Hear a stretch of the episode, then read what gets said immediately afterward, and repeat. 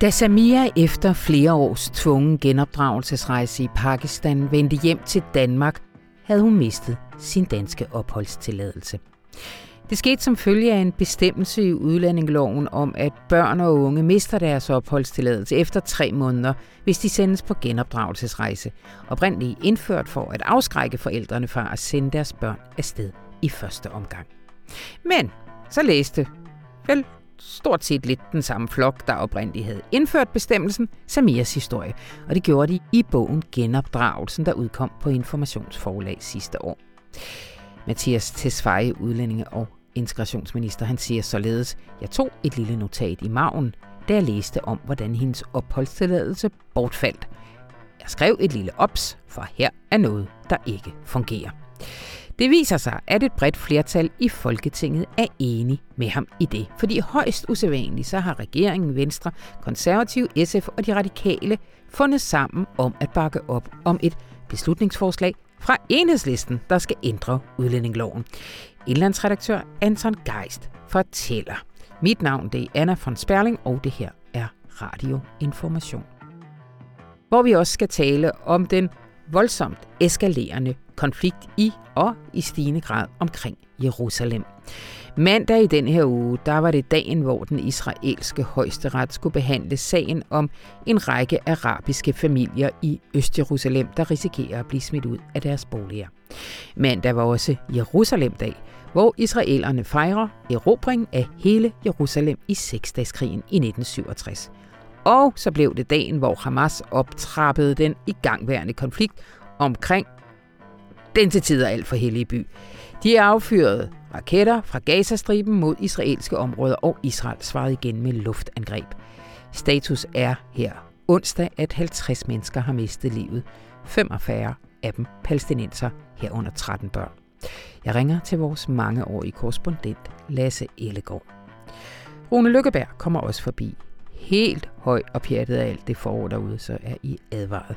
Men også temmelig begejstret over, at det ser ud til, at den famøse hockeystav, som regeringen hidtil har hængt sin klimaplan op på, i det mindste har fået lidt mere mm, hældning. Kan I huske den? Det er den der, hvor der ikke er særlig mange reduktioner de første rigtig mange år. Men så lige før deadline, så får vi en hel masse reduktioner, fordi der er en masse teknologi, vi har investeret i, der bonger ud. Men nu har Dan Jørgensen, klimaminister Dan Jørgensen, i hvert fald meldt ud, at regeringen vil øge forpligtelserne til, hvor stor reduktionen skal være allerede i 2025. Og det er alt andet end lige opånd. Men allerførst skal vi høre om, hvad der skete siden Danmark for to år siden kriminaliserede psykisk vold. Velkommen til.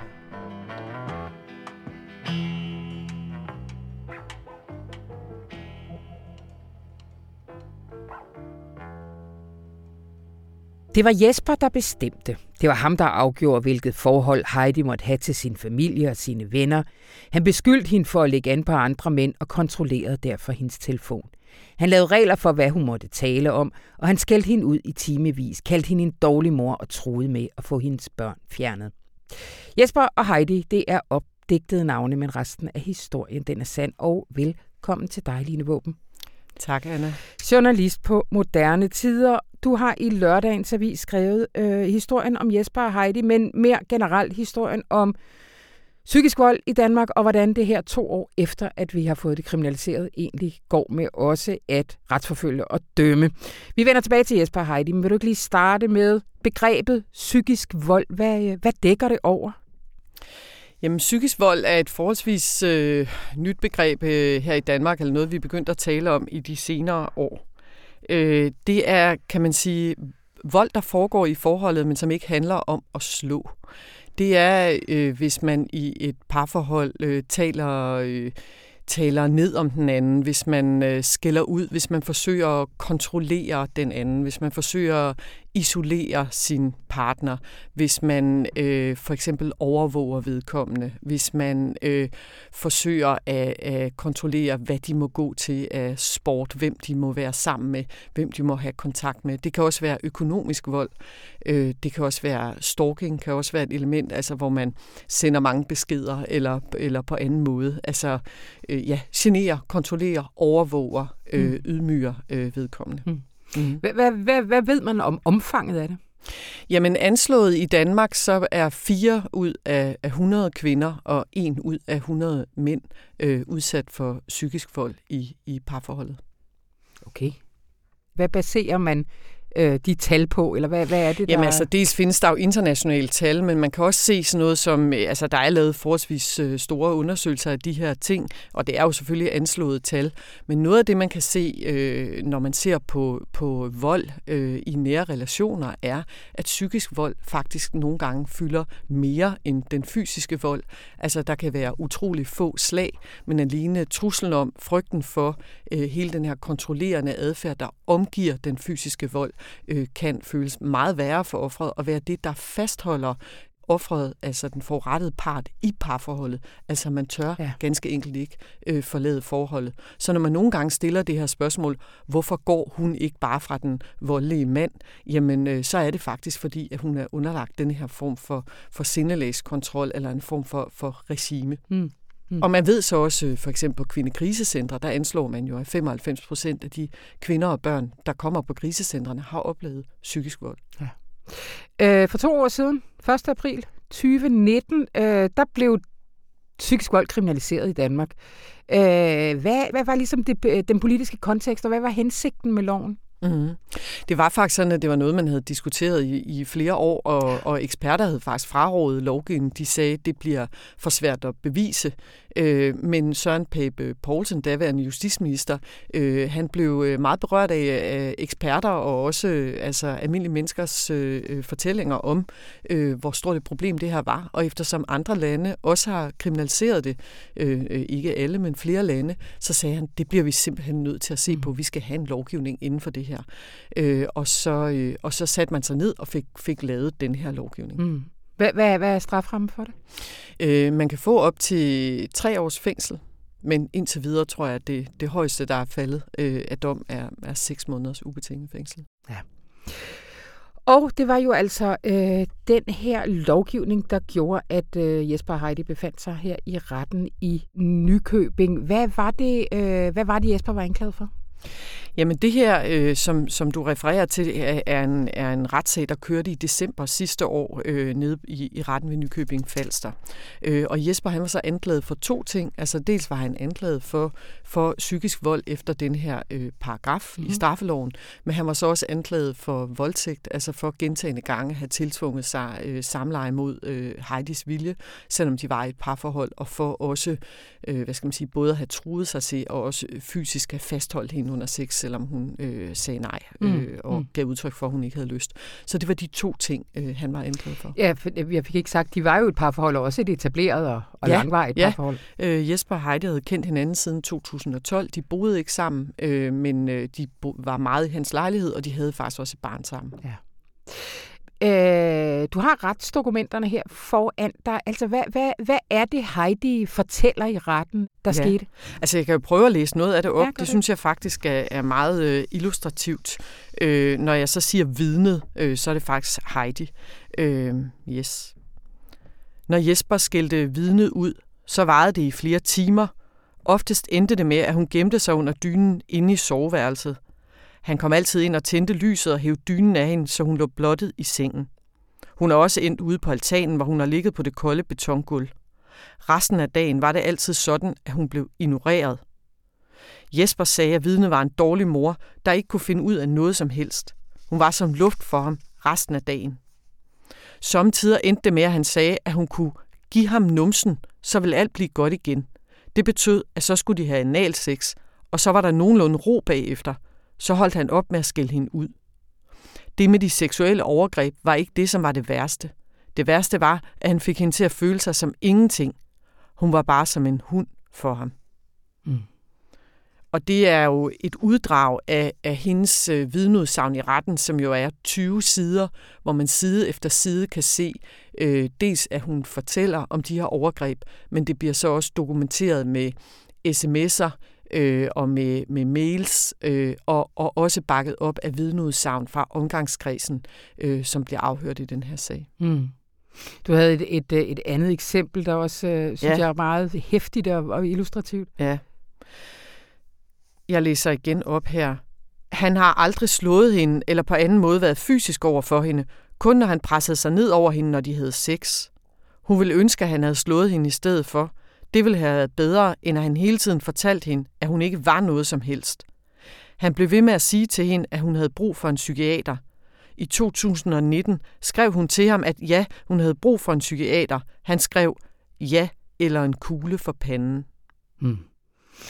Ja, fordi hun ville ønske, at han havde slået hende, og det øh, kan man jo så høre, både fordi, at, øh, at det måske ville gøre mindre ondt, øh, men det ville jo også betyde, at det var nemmere at få ham dømt, sandsynligvis. I hvert fald, øh... Jeg tror slet ikke, at det er det, der er i, i, i Heidis tanker øh, her, når hun siger, at hun hellere vil have, at han havde slået hende. Det, det handler om, er, at for mange af de her offer for psykisk vold, så siger de, at det er meget værre end at blive slået. Fordi det er jo øh, truslen om, at, du, at det kan ske, og den der følelse af at være isoleret og være fanget, øh, og den, den kontrol, et andet menneske øh, har over en. Mm. Og man kan så sige, alle de her ting, hun fortæller, det bliver så bakket op af, der er andre, der også kan sige det, der er også mails. Men det, der gør det så, så svært øh, at bevise de her sager, er jo, at, at der ikke er det fysiske bevis, som du siger, det ville have været lettere bevis, hvis han havde slået hende, øh, og der havde været mærker, og hun havde været på skadestuen. Øh, ja, men det tror jeg slet ikke er det, hun tænker Nej, over i den her sag. Men det, det er så et andet problem. Det er det er nemlig. Øh, det var bare mig, der prøvede at lave en glidende overgang til, at du i artiklen beskriver, at Danner Øh, stiftelsen hedder de det i dag? Hedder de bare Danner? De hedder Danner, ja. De hedder Danner. Øh, har undersøgt det her, og også hvor mange øh, sager, der faktisk er ført til domsfældelser øh, de sidste to år. Hvad, hvad er det, de har fundet? Ja, de har jo simpelthen sat sig ned, og så har de gennemgået tallene for det her siden øh, øh, loven øh, blev, trådte i kraft, og så frem til den, øh, tror det er den 27. Øh, februar eller 29. februar øh, i år. Og det de så finder er, at, at der er blevet anmeldt 616 sager øh, over hele landet, men det er, øh, det er kun øh, 37 af dem, der rent faktisk øh, bliver ført i retten, og det er kun 11 af dem, der ender med en dom. Og det er kun en af de 11, der kun er dømt efter denne her paragraf. I de andre domme har der været andre ting på spil. Øh, der, der er forrettet også blevet dømt for voldtægt eller vold. Mm. Så det her, som vi hører om her i Jesper Heidis sag, er faktisk den eneste sag på de her to år, eller knap to år, hvor, hvor der er blevet dømt alene efter denne her nye paragraf.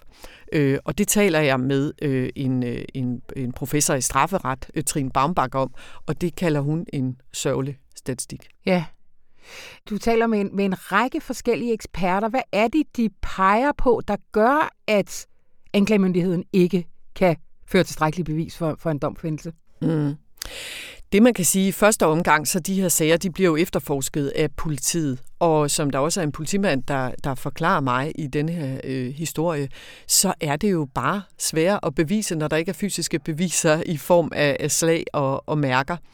Øh, man skal dokumentere det på en helt anden måde. Det kræver meget grundige afhøringer, fordi det er tit mange begge små, mm. altså mange enkeltstående episoder. Det er jo ikke en dag, hvor han skiller hende ud. Det er mange gange, hvor han skiller hende ud, øh, og suppleret med sms'er eller mails. Det er, at han øh, mange gange siger til hende, hun ikke skal øh, besøge sine søstre. Det er mange gange, han forhindrer hende i at tage på arbejde, osv. osv. Alle de her forskellige episoder skal jo dokumenteres, og det kræver grundige afhøringer. Mm. Det kræver en særlig afhøringsteknik. Det kræver afhøring af andre vidner i bekendtskabskredsen. Øh, det kræver, at man øh, indhenter sms'er og mails osv. osv. Øh, så det kræver, øh, det er meget ressourcekrævende, ja. og det kræver også erfarne politibetjente. Så det i det første omgang at bevise det øh, er, er svært. Mm. Og så er det også en paragraf, hvor der er mange ting, der skal være til stede. Du skal både bevise de her ting, altså dokumentere de ting, men du skal også bevise, at det var med det formål at kontrollere et andet menneske. Ja. Ja. Det står der jo i, i paragrafen. Og det er jo interessant det her med kontrol. Du har talt med Ivan Stark, hedder han det? Ewan Stark, ja. Ewan Stark, øh, som sådan er the international go-to guy på det her emne. Han bruger det internationale, det, det britiske begreb coercive control. Hvordan er det anderledes end, end det begreb, vi opererer med? Mm. Det er sådan, at Jon Stark, han er simpelthen founding father af det her begreb coercive control. Det var ham, der simpelthen satte det på dagsordenen ja. for omkring 15 år siden, da vi begyndte at tale om de her ting. Øh, og han har været med til at skrive lovgivningen i både Storbritannien og, øh, og Skotland, og lige nu indhentet som ekspert i forhold til, om Australien skal lovgive på det her område. Så han er ligesom øh, Mr. Coercive Control. Ja. Og hvad ligger der så i coercive control? Når man oversætter det direkte til dansk, så betyder det tvangsmæssig kontrol. Og det er jo sådan set bare et ord for det andet, jeg beskriver her, som er, at man forsøger at kontrollere et andet menneske. Men det, der er forskellen på at sige psykisk vold og coercive control, mener Jon Stark, mm. det er, at sådan som han forstår begrebet, så er det sådan set, spiller det på alle mulige forskellige ting, der allerede i dag er ulovligt. Altså det er ulovligt at kidnappe, det er ulovligt at, det kan være ulovligt at true, det kan være ulovligt at storke, det kan være alle de her forskellige mm. metoder.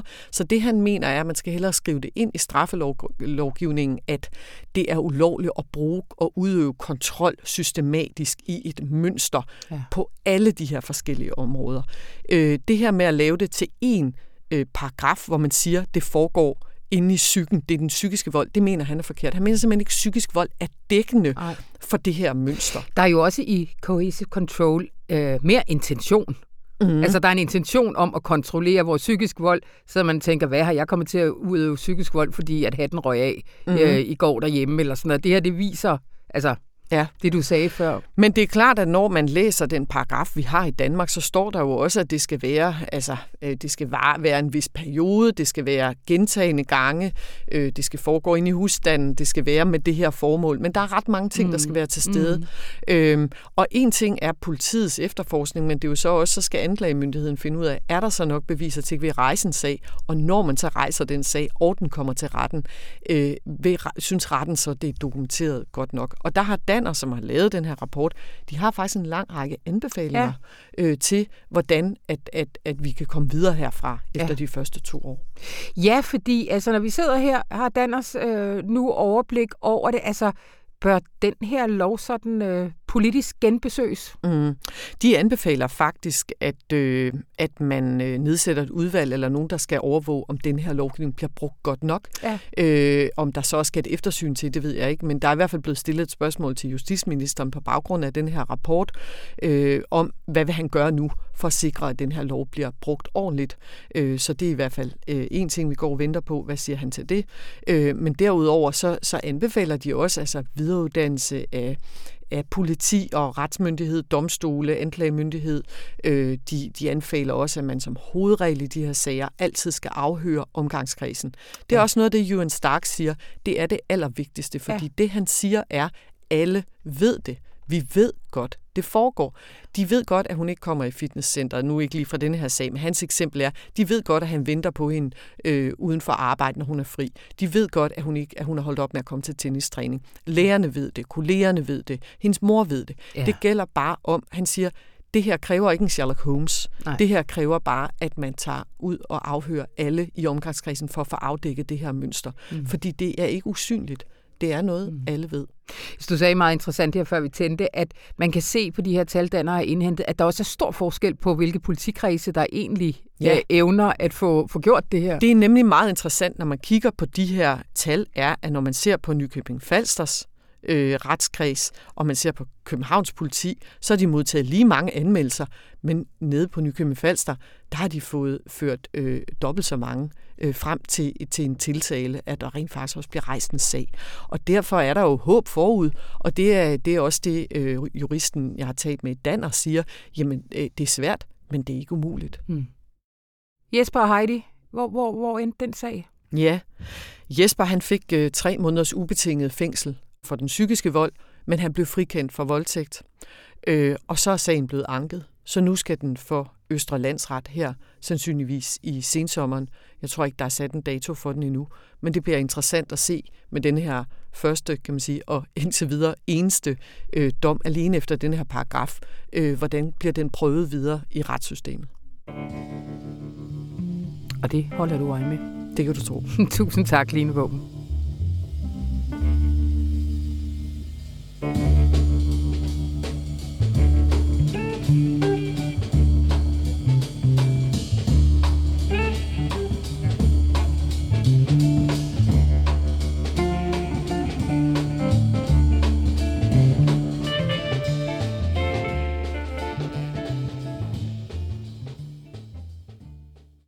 Velkommen til dig, Lars Ellegaard.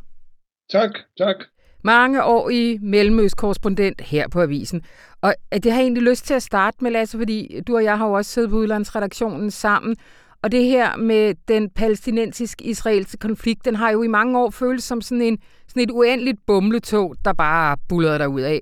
Men altså, virkeligheden er vel, at den har været relativt lavintensiv i ret mange år. Altså, så det her er en særlig markant eskalering, ikke?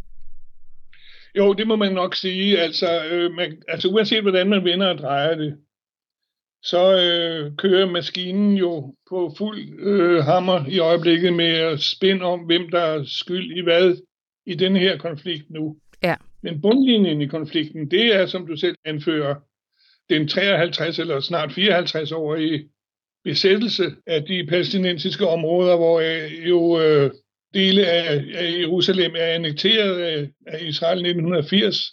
Golanhøjderne er annekteret, men Vestbreden er stadigvæk teknisk set under besættelse, hmm. selvom man også nok må sige, med alle de bosættelser, der er kommet derude, som er jo er ulovlige, at også Vestbreden de facto er annekteret. Ja, ja. Og det er bundlinjen i den her konflikt. Ja.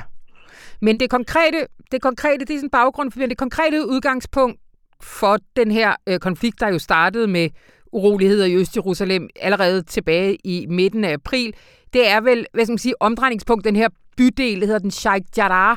Øh, hvad er det, der helt konkret, som, øh, som højesteret skulle forholde sig til i mandags? Altså højesteret skulle, øh, skulle jo behandle en appelsag øh, for udsættelse af, jeg tror, tre eller fire familier øh, fra de der boliger i Sheikh Jarrah, øh, som øh, beboes af palæstinensiske familier. Mm. Og de udsatte så behandlingen simpelthen under indtryk af urolighederne, og det er så udsat på ubestemt tid. Men, men selve konflikten handler jo om, at Sheikh Jarrah før 1948, altså før Jerusalem blev delt i et Vest-Jerusalem og et Øst-Jerusalem, der boede der en, to øh, jødiske bosættelser i, i lige præcis det der lille område, som ligger lige nord for den gamle by. Mm. Og de øh, jødiske bosættelser, de blev så evakueret, da øh, området jo efter våbenstilstanden i 1949 kom under jordansk, altså arabisk øh, overherredømme. Mm. Det, der så sker, det er, at i 1970 vedtager øh, det israelske parlament en lov, som gør, at øh, jøder, som har haft ejendom, øh, altså øst for den grønne linje, altså i det, i det, det vi kalder det arabiske Øst-Jerusalem, at de kan gøre krav på deres øh, gamle ejendomme. Mm. Og det, altså det, der er sket her i Sheikh Jarrah, at øh, de, øh, de, øh, de to øh, jødiske bosættelser, som senere i øvrigt solgte deres øh, andel til et, et amerikansk selskab, at de, gør, at de øh, har så gjort krav på, at de vil have de boliger tilbage, som i sin tid blev, hvad skal man sige, okkuperet af andre flygtninge, nemlig palæstinensiske flygtninge fra vest, som blev fordrevet øh, mod øst. Mm. Det er både kompliceret og i virkeligheden meget enkelt. Det handler simpelthen om, at der boede jøder indtil 1948 i det der nabolag. Efter 1948 rykkede øh, arabiske flygtninge ind i nabolaget. I 1954 øh, byggede øh, Jordans regering og øh, FN's flygtningeagentur øh, for Palæstina 54 øh, boliger øh, for øh, de familier, der havde slået sig ned der. Mm. Og så efter 1970, og især øh, efter årtusindskiftet her, har, har jødiske interesser så igen gjort krav på at vende tilbage til Sheikh Jarrah, som jo nu er en del af Stor-Jerusalem, eftersom, eftersom Israel jo har annekteret hele Øst-Jerusalem som en del af deres øh, hovedstad, mm. altså den israelske hovedstad. Mm. Mm. Men, øh, men den her konflikt, den har også bredt sig ud over Jerusalem. Øh, I hvert fald i, i løbet af mandag aften, der bredte urolighederne sig til andre dele af Israel, og der blev antændt bål i gaderne og kastet med sten og sådan noget. Og flere peger på, blandt andet avisen Haras, at, at det her det er nyt, fordi det er de israelske palæstinenser, altså palæstinenser, der bor inden for Israels grænser, som normalt plejer at holde sig ude af den her konflikt, som nu er på gaden. Og det er det, der ligesom har øget frygten for, at vi her ser øh, kimen til en ny intifada. Er, er du enig i det? Øh, altså, jeg ved ikke, om jeg er enig, men, men jeg ved, at der er uenighed om, hvorvidt en ny intifada er på vej. Ja. Det er rigtigt, at nogle af de såkaldte, det vi kalder de israelske araber, vi kalder dem nemlig ikke palæstinenser, øh, mm, at de har været øh, på, på, på gaden i deres egne byer, i øvrigt i det nordlige Israel osv. Men, men det, der virkelig har optrappet den her konflikt, og det, der gør den måske farlig i den forstand, at den kan udløse en, en tredje intifada med, hvad alt hvad, hvad det indebærer, det er jo, at Hamas i Gaza har reageret, og i øvrigt øh, helt uventet for de fleste, med at øh, dænge øh, Israel og, og ikke mindst Jerusalem til med, øh, med deres øh, granatmissiler. Mm. Mm. Og, og den optrapning har ført jo så øh, fra mandag aften og så frem til nu, mens vi taler om det her onsdag middag, ja. øh, til øh, en, en serie bombardementer af, af Gaza, forløbig med et halvt hundrede øh, dræbte.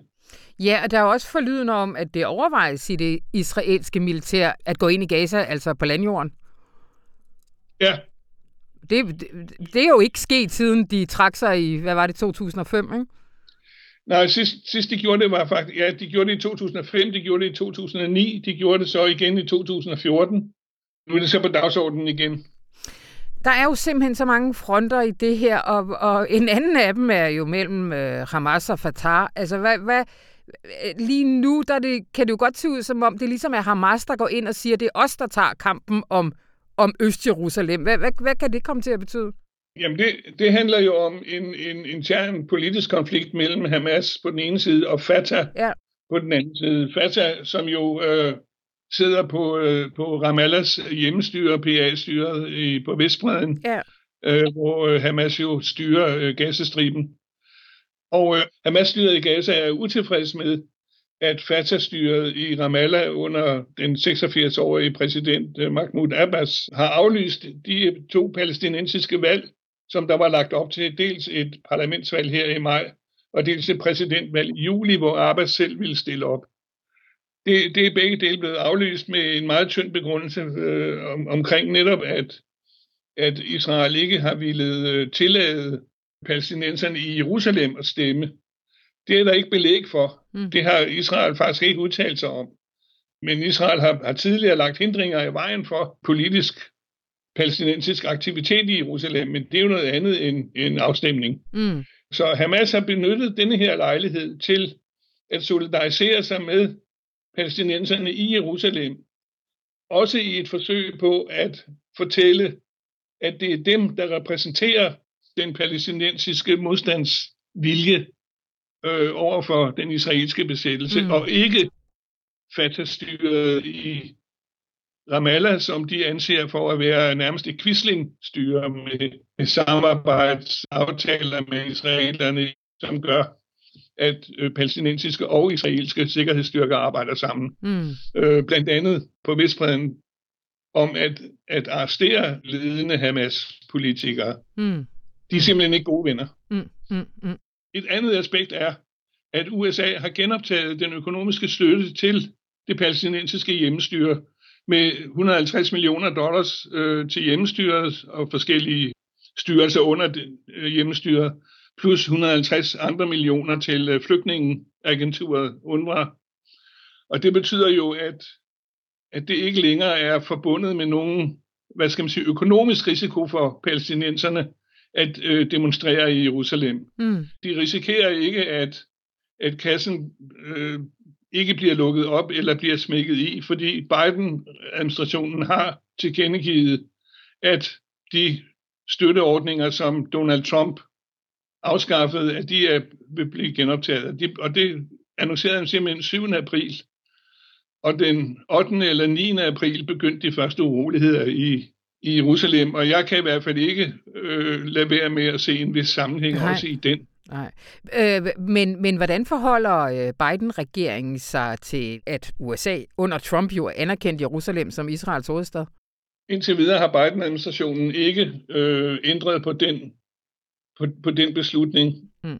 Og i det hele taget er det helt indtrykket, at Biden-administrationen gider simpelthen ikke Jerusalem eller den palæstinensiske-israelske konflikt i det hele taget. Nej. Det kan man også se af de reaktioner, der har været på den seneste tids voldsomme uro, som jo består af opfordringer til øh, at, øh, at tage det roligt osv., øh, samtidig med, at USA jo har hindret FN's Sikkerhedsråd, som blev sammenkaldt allerede mandag, i at komme med en udtalelse i at agere i det hele taget, med henvisning til, at USA gennemfører et bagdørsdiplomati, og at en øh, FN's Sikkerhedsråds erklæring ville forstyrre øh, de der diplomatiske kontakter, man har gang i. Hmm. Når man så kigger lidt nærmere på, hvordan de øh, diplomatiske kontakter folder sig ud i den israelske presse, så er det altså med ret uforpligtende erklæringer om at dæmpe gemytterne osv. osv.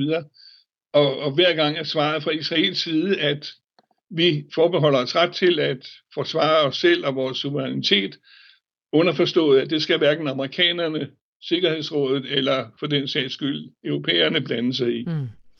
Lasse, altså jeg, jeg ved godt, det er et skidesvært spørgsmål, men altså, hvad er dit bedste bud på, hvordan det her det, det kommer til at udvikle sig? Altså, mit bedste bud på udviklingen af det her er, at det falder ned igen. Ja.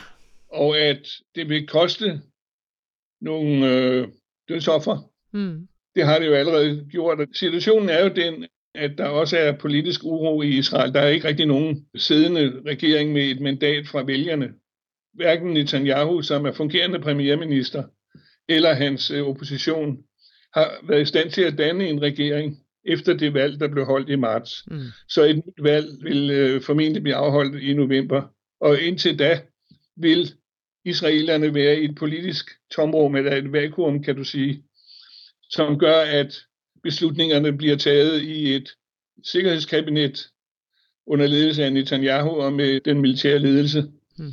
Men det er helt evident, sådan som det ser ud nu, at Netanyahu og den militære ledelse er interesseret i at få konflikten dæmpet ned, sådan at man undgår en egentlig krig i Gaza. Dels fordi det vil være bekosteligt, men også fordi det vil skade Israels image, og dels fordi Joe Biden har signaleret allerede i sin valgkamp, at han er langt mere positivt stemt over for de palæstinensiske krav, end end hans forgænger Donald Trump var. Mm. Godt, jamen øh, Lasse, der er jo tusind aspekter af det her, så vi må tage det op igen på et senere tidspunkt. Men det var, hvad vi nåede for nu. Tusind tak skal du have. Ja, lige måde.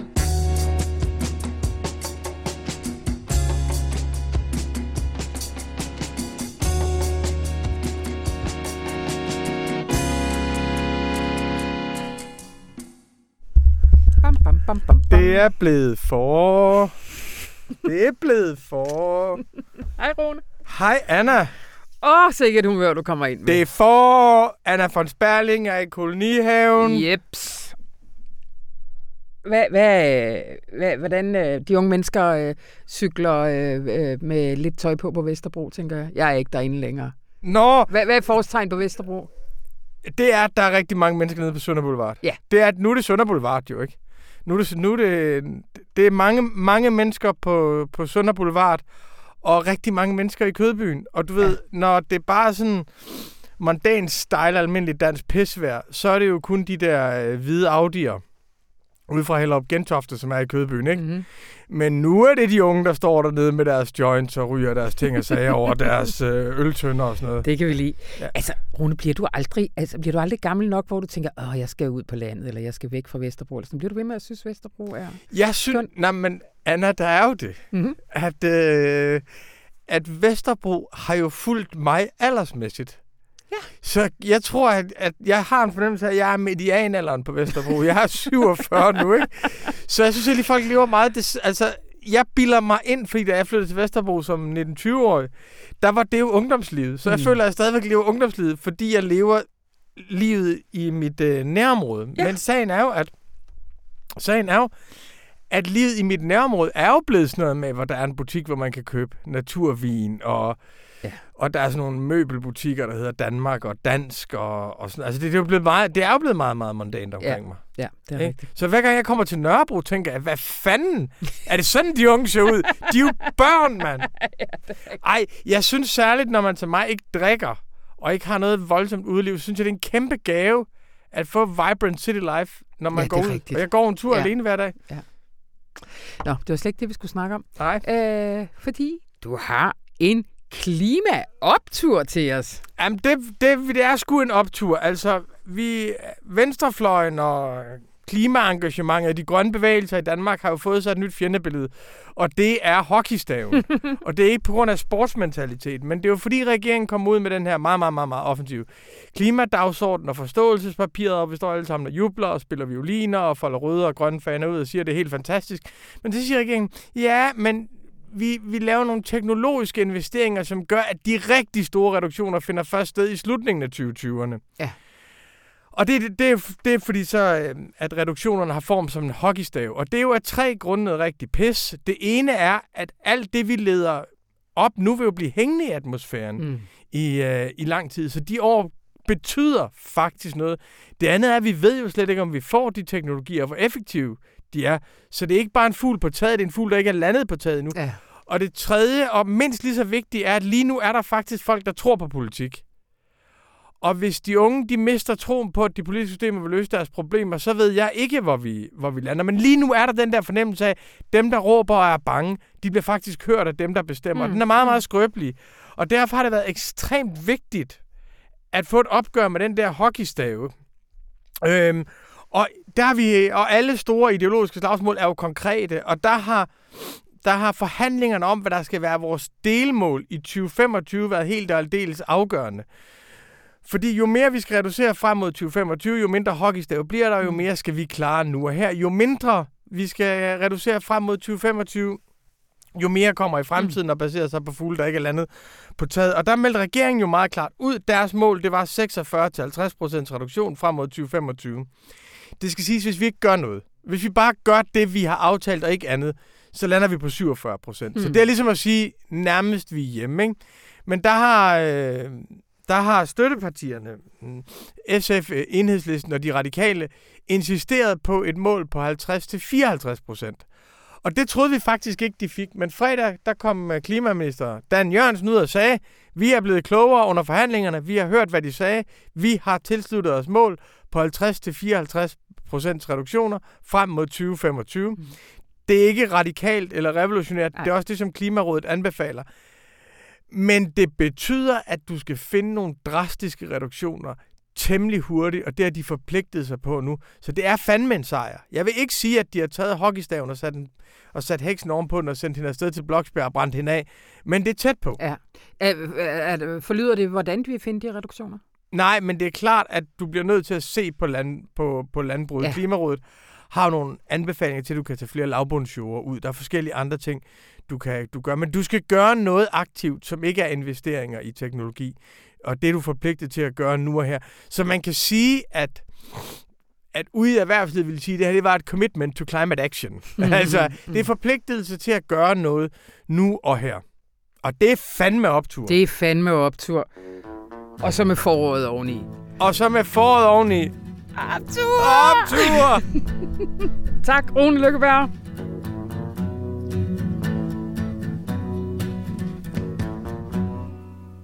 I december udkom bogen Genopdragelse, skrevet af tre journalister her på bladet. Den fortæller historien om Samia, en ung kvinde, der sendes på genopdragelsesrejse i Pakistan, og som konsekvens mister sin opholdstilladelse.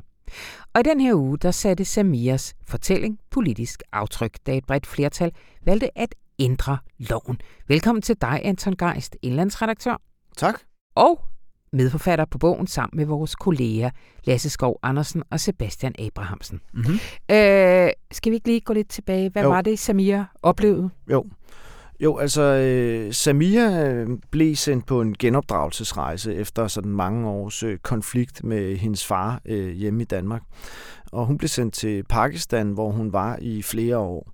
Og øh, det, der er relevant i den her sammenhæng, det er, at da hun, da hun så øh, lykkedes med at kæmpe sig tilbage til Danmark, som hun betragter som sit hjem, hun har boet der hele sit liv og er født der, øh, Øh, så har hun mistet sin opholdstilladelse. Øh, fordi der er nogle regler, der gør, at når du som udlænding uden dansk statsborgerskab opholder dig i længere tid i udlandet, så mister du din danske opholdstilladelse som udgangspunkt. Og det er jo en øh, for hende øh, redselsfuld erfaring, at hun altså faktisk ikke er velkommen i Danmark, og hun øh, har heller ikke nogen ret til at opholde sig i Danmark. Hun skal faktisk rejse ud og risikerer jo ellers at øh, blive tvangsudsendt og meget andet. Og øh, det betyder jo, at der starter ligesom en ny kamp for hende, da hun hmm. endelig lykkes med at komme tilbage til Danmark, og hun ender så... Øh, øh, med at skulle ind igennem asylsystemet og søge asyl med risiko for at få afslag og sådan. Ikke? Mm. Øhm, og det er en årlang kamp for hende. Og det har vi jo beskrevet i, øh, i denne her bog, og det er nok øh, det, der ligesom er baggrunden for den diskussion, der så har været i Folketinget. Ja, og det siger i hvert fald øh, udlænding- og integrationsminister Mathias Tesfaye. Lad os lige prøve at høre et lille klip af, hvad han sagde i Folketingsdebatten. I vinters der behandlede vi regeringens lovforslag om en styrket indsats mod social kontrol. Det handlede mest om social kontrol i forbindelse med indgåelse af ægteskaber og fastholdelse i ægteskaber og lignende forhold. Men under behandlingen kom vi også ind på, hvordan vi kan forhindre genopdragelsesrejser. Ikke mindst foranledet af den bog, der hedder Genopdragelsen om pigen Samia, som jeg håber, at mange af jer har haft mulighed for at læse.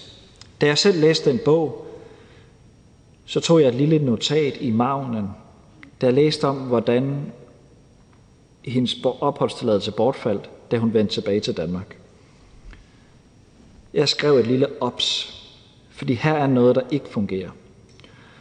Og i forlængelse af den bog og den diskussion, som bogen medførte, synes jeg, det er helt naturligt, at vi fra regeringens side meddeler, at vi godt kan støtte det her beslutningsforslag fra enhedslisten.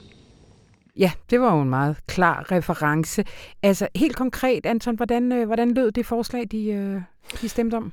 Jamen, øh, jeg tror, de kommer til at tage det i flere etapper. Altså, der er blevet indført en regel om, at hvis du som barn sendes på genopdragelsesrejse, så mister du automatisk din danske opholdstilladelse efter tre måneder. Og det er noget, man har indført, fordi man havde en forhåbning om, at det kunne ligesom afskrække forældrene fra overhovedet at sende dem afsted. Ja. Fordi de vil, man måtte antage, at de tænkte, at vi kan ikke få vores børn tilbage til Danmark. Men det forudsætter jo blandt andet, at forældrene har kendskab til det her, og hmm. at, de, og de ikke synes, at det er vigtigere at få dem genopdraget. Og i hvert fald kan man jo se, at der fortsat bliver sendt børn på genopdragelsesrejser. Så det har altså ikke rigtig virket. Øh, I hvert fald ikke nok. Og øh, problemet er jo så, at så er det lige pludselig børnene, man straffer. Ja. Øh, fordi så kan de ikke øh, komme tilbage til Danmark. Og det har jo ikke øh, været hensigten med loven, men det er ikke desto mindre konsekvensen. Og det er så den bestemmelse i udlændingeloven, som enhedslisten fremsatte et beslutningsforslag om at fjerne, og de, de henviste også til vores øh, bog øh, som ligesom anledning til, at de fremsatte det her. Øh, og det er øh, altså det, som Tesfaye mm. så øh, har erklæret sig enig i. Han har i øvrigt også på baggrund af bogen sat gang i et større arbejde i sit ministerium for at øh, få gjort noget ved de her regler. Men man skal så lige sige, at øh, det her kommer ikke til at løse problemet alene, fordi der er også nogle andre regler, der gør, at du efter 6-12 måneder kan risikere at miste din opholdstilladelse, hvis du sendes på genopdragelsesrejse. Og det pegede både Mathias Tesfaye og også Mads Fuglede, som også henviste til bogen, som han også har læst, mm. på under øh, folketingsbehandlingen. Og derfor er der sådan set enighed om, at man skal gå længere end det her. Ja. Så der bliver fremsat den her en, en større pakke til efteråret, hvor man ligesom vil gøre mere for de her. Men det, og det, er, så det må betragtes som sådan et første skridt, men jo ja. et vigtigt skridt, ja. kan man sige. Det, der var unik fælles fodslag. Ja. Øh, det synes jeg er fuldstændig utroligt. Ja. Altså, øh, tænk sig, at du har et øh, beslutningsforslag om at lempe udlændingeloven fra enhedslisten, ja. som finder så bred opbakning i Folketinget. Endda var det sådan, at den nye borgerlige, altså den aller yderste fløj, højrefløj på udlændingområdet, erklærede sig skeptiske, men omvendt sagde, at de ville se under udvalgsarbejdet, om det alligevel var noget, de kunne tilslutte sig. Mm. Og det er jo vildt nok, altså på et tidspunkt, hvor udlændingområdet vel kan siges at være på vej tilbage ind i centrum af dansk politik, ikke? Yeah. med diskussionen om syrerne, der skal sendes hjem til Assad-regimet, og børnene i de kurdiske lejre i, i Syrien, øh, og en meget, meget polariseret debat, så finder altså venstrefløjen og de radikale på den ene side øh, sammen om en lempelse af udlændingeloven, men det man kan kalde den sådan den, den højrefløjen på udlændingområdet, som jo altså også inkluderer Socialdemokratiet. Og sige. regeringen og, og den borgerlige blok finder sammen, for selvom de egentlig er meget enige, så er det jo er begge jo ret optaget af at prøve at komme højere om hinanden. Hvad hedder det? ja. Så at, det, at de finder sammen om noget i sig selv meget øh, bemærkelsesværdigt. Men det må være en lidt svær sag for, for Nye Borgerlige, og ikke mindst for, for Dansk Folkeparti, fordi ja. de jo samtidig har slået på os og kære sig om undertrykkelse ja. af muslimske kvinder og sådan noget. Men det er virkelig rigtigt. Og det har de også, øh, det, det sagde de sådan set også i, under debatten i Folketinget om det her beslutningsforslag, at de sådan set øh, begge to var enige i intentionerne. Og Nye Borgerlige er jo så åbenbart så enige, så de vil overveje overveje, om de alligevel kan tilslutte sig. Men DF afviste det, og det, øh, det gjorde de øh, for det første, fordi de ligesom mener, at, at det er nødvendigt at have den der afskrækkelseseffekt, sådan så forældrene, måske nogle forældre måske er tilbageholdende med at sende dem afsted. Øhm, og for det andet, øh, fordi de ligesom sagde, det er jo genopdragelsesrejser, og hvad nu hvis den genopdragelse lykkes? Så får vi nogle skrækkeligt radikaliserede islamister tilbage. Og skal vi så virkelig give dem opholdsladelse? Det synes, øh, det synes DF ikke. Mm. Mm. Uh, du har været en lille smule inde på det, men her i kølvandet på bogen, så har du uh, lavet en række interview med eksperter og politisk ansvarlige uh, om det her. Uh, de er i gang nu, men hvad, hvad er der ligesom tilbage på ønskelisten? Hvad, uh, hvad siger de kloge ud i det her, der skal gøres? Øh, ja, det, det er svært. Altså, jeg synes, altså, helt konkret er der en bred enighed om, også politisk, at man skal gøre noget ved det her problem, som altså er blandt andet beskrevet i bogen her, at, at de her børn øh, kan blive straffet ved ikke at kunne få lov at opholde sig i Danmark, hvis de endelig kommer tilbage. Øh, men derudover øh, er det... At eksperterne peger meget på, at der er behov for andre tiltag end de sådan straffende tiltag. Mm. For det er meget den tilgang, man har haft inden for hele det her område med social kontrol. Og det, der er ikke noget særligt, der tyder på, at det har virket specielt godt. Og jeg synes, øh, noget af det opsigtsvækkende i de interviews, jeg lavede der i, øh, i forlængelse af bogen, det var jo også, at Mads Fuglede fra Venstre øh, som jo regnes for højrefløj, også i Venstre, altså ja. en af Støjberg-støtterne i Venstre. Han efter at have læst bogen sagde, at han mente, at øh, han var nu kommet frem til, at der var behov for at tænke i andre baner end bare pisken, men også øh, overveje at bruge gulderåd i nogle sammenhæng, og altså gøre nogle mm. andre mm. ting. Men det er øh, sindssygt svært at finde ud af, hvad man skal gøre. Og noget af det, man virkelig bør gøre, er, at man skal starte med at få sig et bedre overblik. Man ved for eksempel stadigvæk ikke rigtigt, hvor mange sendes på genopdragelse, og hvor mange udsættes for andre former for social kontrol. Det, øh, der har man ikke det overblik, som de fleste er enige om, man mm. burde have. Mm.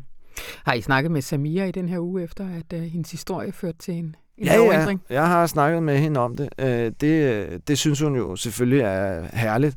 Altså, det er sjovt, fordi hun meget specifikt, og det skriver vi også i indledningen til vores bog, gik ligesom med til, at, at vi skrev om hende, fordi at hun håbede på, at det mm. kunne uh, skabe forbedringer for andre i samme situation, men jeg tror ikke, at hun havde forventet, at det lige frem så konkret ville føre til, at loven blev ændret på baggrund og med henvisning øh, til hendes historie. Så hun er meget begejstret. Hun har også mødtes med Mads Fuglede fra mm. Venstre, fordi da han havde læst bogen, og øh, jeg havde interviewet ham, så bad han om, om jeg ville formidle en kontakt, og det gjorde jeg. Øh, så de to har mødtes og diskuteret denne her problemstilling. Mm. Øh, men hun er selvfølgelig øh, rigtig glad. Anton, der er jo øh, meget mere. Man kan gå ind og lytte til dine samtaler med de her forskellige. Den ja. er en podcast, der ligger. Hvad, hvordan finder man den? Jamen, den finder man der, hvor man finder sin podcast. Altså, den hedder Genopdragelsen også, ligesom bogen. Yes. Øh, så hvis man søger på det, så skulle man kunne finde den. Ja. Og gå ind på information.dk, hvor du kan læse et uddrag af Samias historie. Og så kan man selvfølgelig også gå ind på butik.information.dk og købe bogen Genopdragelse. Det kan vi kun opfordre til. det er det. Tusind tak, Anton Geist. Selv tak. Og det var alt for denne uges øh, radioinformation. Jeg øh, vil ønske dig en rigtig god miniferie. Kristi flyvefart, som alle folks onkler kalder det. Yes, så det vil jeg så lade være med. Mit navn det er Anna von Sperling, og det her program det var klippet og gjort så lækkert af Anne Pilegaard Petersen. Hej hej.